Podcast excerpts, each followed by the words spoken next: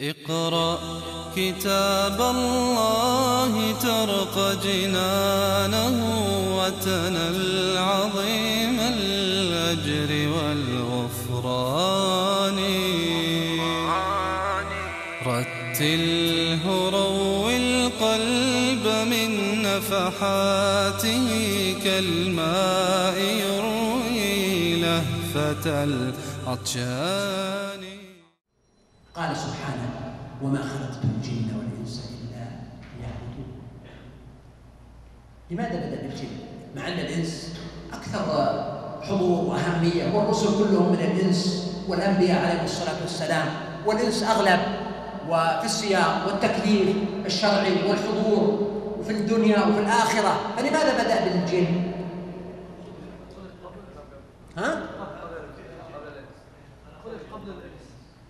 لأن الجن خلقوا قبل الإنس هذا احتمال. احتمال جيد. ها؟ لا يرى. طيب. آه، الجن حصل منهم الطغيان قبل. وأيضا من الأدلة أو من المعاني أن العرب كانوا يعبدون الجن ويعظمون الجن أحيانا. وإذا نزلوا الوادي استعاذوا بسيد الوادي من الجن من سفهاء قومه. وبعضهم كانوا يعبدون الجن وكانوا يزعمون بأن الله تعالى له صاحبة من الجن. ولدت له الملائكة. فدحر الله تعالى هذه الادعاءات بالبداءة بالجن في هذا السياق. وإلا فالغالب أن القرآن إذا ذكر الإنس والجن أيهما الذي يأتي أولا؟ الإنس. ولا شك أنهم أكثر منزلة وشرفا. قالوا ما خلقت الجن والإنس إلا ليعبدون. أي ليوحدون. وهذه الآية تحتمل عدة معاني. تحتمل أولا ما خلقت الجن والإنس إلا لآمرهم بطاعتي وعبادتي وأبلغهم على ألسنة رسلي ما يجب عليهم أن يفعلوا.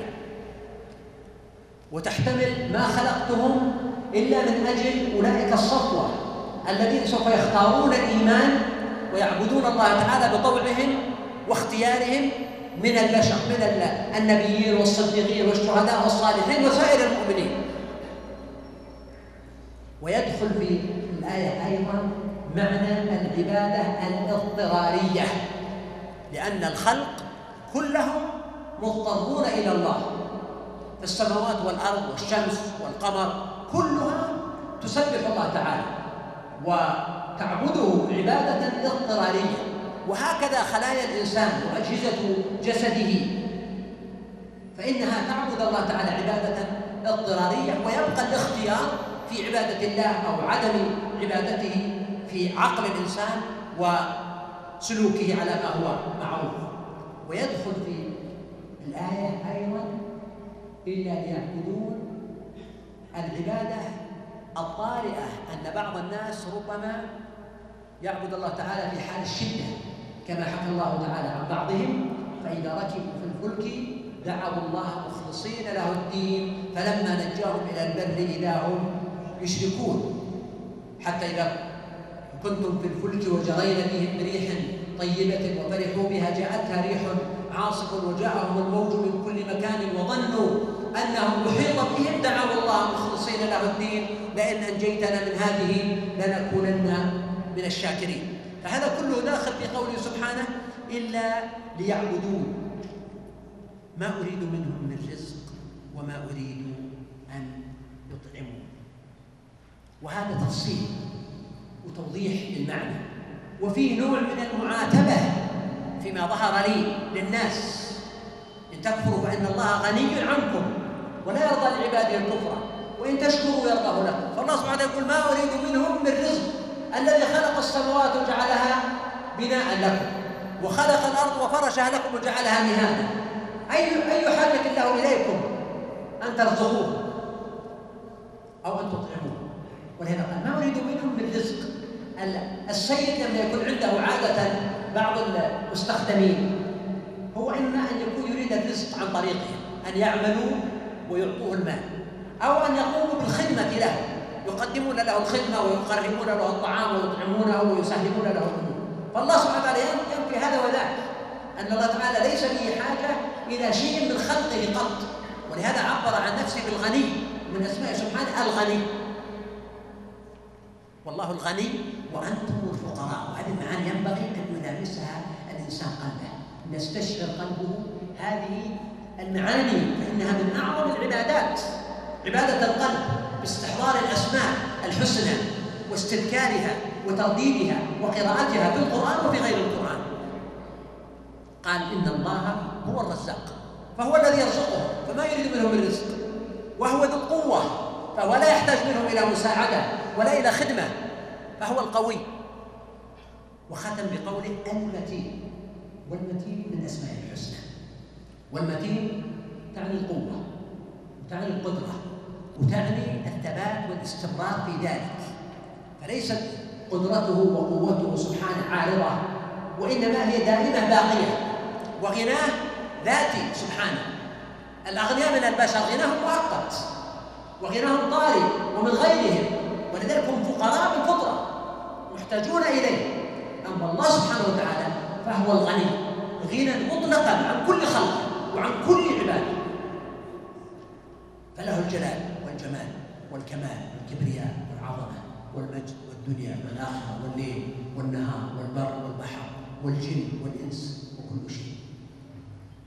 ينبغي أن يستشعر قلبك معنى الحب لهذا الإله العظيم والامتنان للفضل والشعور بالقرب حتى وأنت تخطي فهو يقول فقوا إلى الله حتى للمشركين.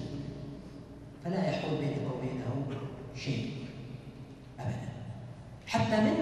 إذا خفت فر إليه. قال سبحانه في الختام فإن للذين ظلموا ذنوبا. ظلموا أنفسهم بالكفر والشرك. والشرك ظلم عظيم. هنا لاحظ قال ذنوبا. ما هو الذنوب؟ الفلاحين لابد يعرفون أنتم أهل حرف وزرع بعضكم أنتم الدلو. الذنوب هو الدلو الذي يستقى به الماء من البئر صح؟ يسمى ذنوبا والعرب يعرفونه جيدا لأن يستقون الماء بهذه الدلاء من الآبار فالله سبحانه وتعالى يقول هؤلاء الذين ظلموا لهم ذنوب دلو من العذاب. يكفيهم يعني ما يحتاجون أكثر منه قال ذنوبا مثل ذنوب من؟ أصحابهم سماهم أصحابه. من هم أصحابه؟ قوم. لوط قوم موسى ثمود عاد. المكذبين من السابقين. بس هؤلاء أحياء ولذلك هو يهددهم الآن. لأنهم في فترة الإمهال والإمكان. قال ذنوبا مثل ذنوب أصحابهم. أحيانا الذين يقومون بالاستقامة من البئر يتنازعون ويتنافسون. ولذلك إذا غضبوا كان فيهم سيد قال لك دلو ولي دلو أو البئر كلهم. فهنا قال لا, تستعجلون. يعني بعضهم مستعجل يريد الدلو قبل زميله. تستعجلوا هم يستعجلون بالعذاب. وهذا فيه درس على الرأس يعني بالنسبة لهم. الشيء الغريب إنه السورة بدأت بقول الله سبحانه وتعالى إنما توعدون لصادق. وختمت بقوله فإن للذين ظلموا ذنوبا. هذا وش يسمى؟ وعد وعيد.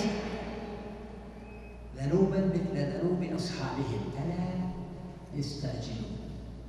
ما الذي حصل في معركة بدر؟ لما انهزموا في بدر. هذا جزء من الوعد. هذه السورة نزلت قبل معركة بدر بطبيعة الحال يمكن بسنتين أو ثلاثة أو أربع سنوات. فهنا كان هناك وعد. الله يعلم هم لا يعلمون. في معركة بدر لما انتصر المسلمون وقتل عتاة المشركين الذين نزلت هذه السورة وغيرها تعاتبهم وتوبخهم وتهددهم وتصفهم بالطغيان لما جروا وسحبوا إلى القليب وألقوا فيه. والنبي صلى الله عليه وسلم وقف على هذا القليب. شوف لاحظ ذنوبا مثل ذنوب أصحابهم. دلو بئر النهاية والبداية.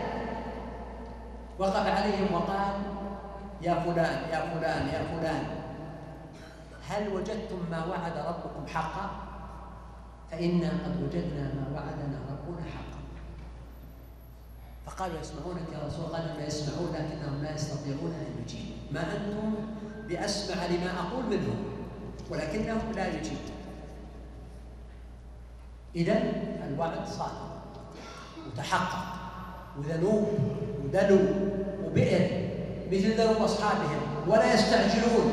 الأمر قريب. وبكاهم الباكي عبد الله بن الزبعرى وقالوا كم ذا بالقليب قليب بدر من الشيزى تزين بالسنام بالسنام وكم ذا بالقليب قليب بدر من القينات والشرب الكرام يحدثنا الرسول بأن سنحيا. وكيف حياة أجداث وهام تحيينا السلامة أم بكر؟ وهل لي بعد قومي من سلام فجاءهم الوعد الذي كانوا يستعجلونه فويل للذين كفروا من يومهم الذي يوعدون وصفهم بعد ذلك بالكفر. وبين أن هناك وعيدا آخر وراء وعيد الدنيا. إنما توعدون لصادق وإن الدين لواقع. رأوا الوعد الصادق وبقي عليهم الدين الواقع فقال فويل للذين كفروا من يومهم الذي يوعدون. كيف ترد على جمعية المسلمين الشواذ الموجودة في لندن؟ وكما تعلم يدعون بجواز الزواج المثلي. يعني هذا القول نعم في مجموعات ينتسبون إلى الجالية الإسلامية يقومون يقولون بمثل هذه الأقوال. وهذا قول لا شك انه هو يعني أشد من الشذوذ ذاته لأن فعل الحرام ربما يكون معصية يستغفر العبد منها لكن تحليل الحرام المجمع على تحريمه ولا شك أن الشذوذ الجنسي أو المثليه واعني به ما يسميه يعني اتيان الفاحشة اتيان الرجل الرجل لا شك أنه من المحرمات والكبائر والموبقات باتفاق العلماء الإسلام والنصوص في ذلك آه، كثيرة. ويكفي ما ذكر الله تعالى في كتابه عن قوم لوط. هل ممكن إعادة قول ابن عباس في قوله تعالى كانوا قليلا من الليل ما يهجعون؟ أنه كان يقول قلما آه، تمر عليهم ليلة لا يصلون فيها. يعني لابد أن يصلوا في كل ليلة ما تيسر لهم قل أو كثر. يقول أريد توضيح مسألة كفار قريش بأنهم يخرجون بالقول فما المقصود؟ الذين هم في غمرة ساهون. يعني هؤلاء القوم غافلون. ما أعطوا ما أعطوا الموضوع اهتمام. ولذلك يسمعون الدعوة ويسمعون البيان والبلاغ والحجة والجنة والنار والوعد والوعيد. ومع ذلك هم في غمرة ساهون. مشغولون باليوميات أو مشغولون بالجاه أو بالمنصب أو بالرئاسة أو بالسلطان أو بغيرها عن السمع والإعتبار.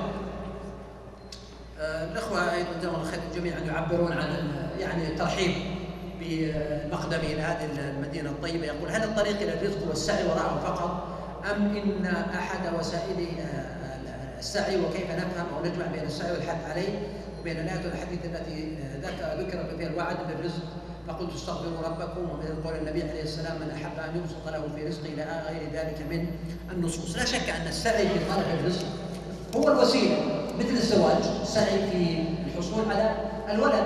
فالوسيلة هي الضرب في الأرض واخرون يضربون في الأرض يبتغون من فضل الله. ويعني فإذا قضيت الصلاة تنتشروا في الأرض وابتغوا من فضل الله. حتى في الحج قال الله سبحانه وتعالى ليس عليكم جناح أن تبتغوا فضلا من ربكم. ولا شك أن الأخلاق من أهم أسباب حصول الرزق. لأنها تعطي الإنسان ثقة عند الناس ولأن الله تعالى يبارك في الرزق لهذا الإنسان الذي يكون عنده بر وصلة وإحسان إلى الناس. وأهم شيء النية الطيبة.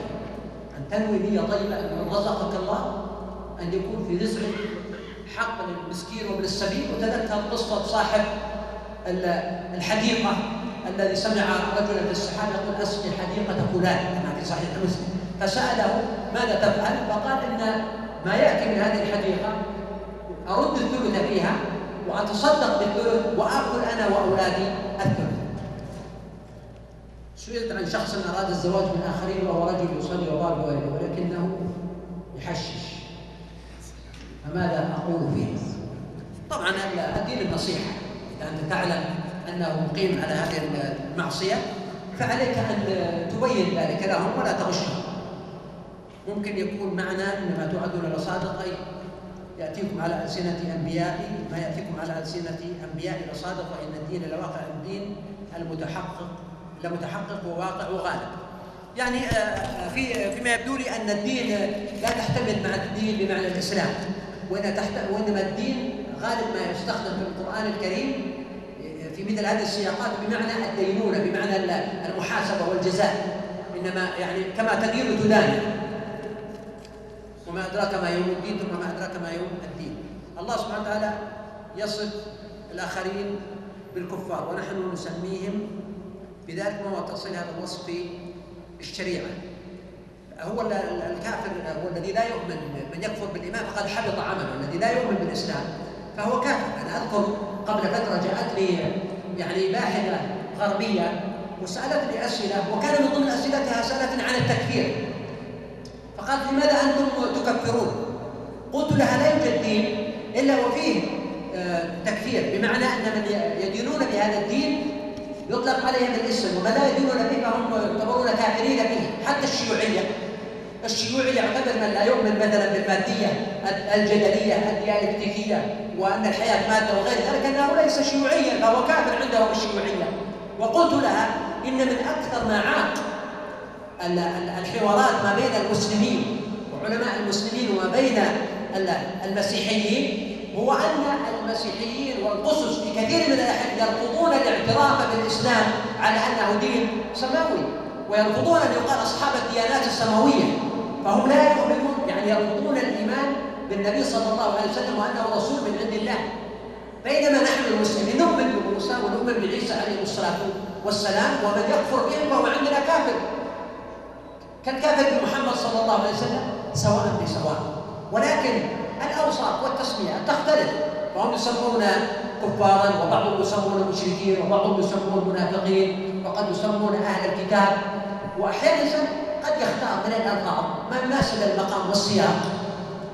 إذا كان في مقام محاورة أو حديث أو مجادلة هذا لا لا يضر ولا يمنع لكن بدون شك أن قضية الإسلام أن يكون الإنسان مسلم وغير مسلم هذه قضية مفرط واضح لا لا لبس فيها. من هل ورد عند أحد من المفسرين أن الوقع على الصراط في قول يوم على النار يفتنون؟ لا أبدا. هذا ليس له علاقة بالصراط وإنما هؤلاء المشركون وهؤلاء يفتنون على النار يعني يعرضون عليها. اقرأ كتاب الله ترق جنانه وتنل عظيم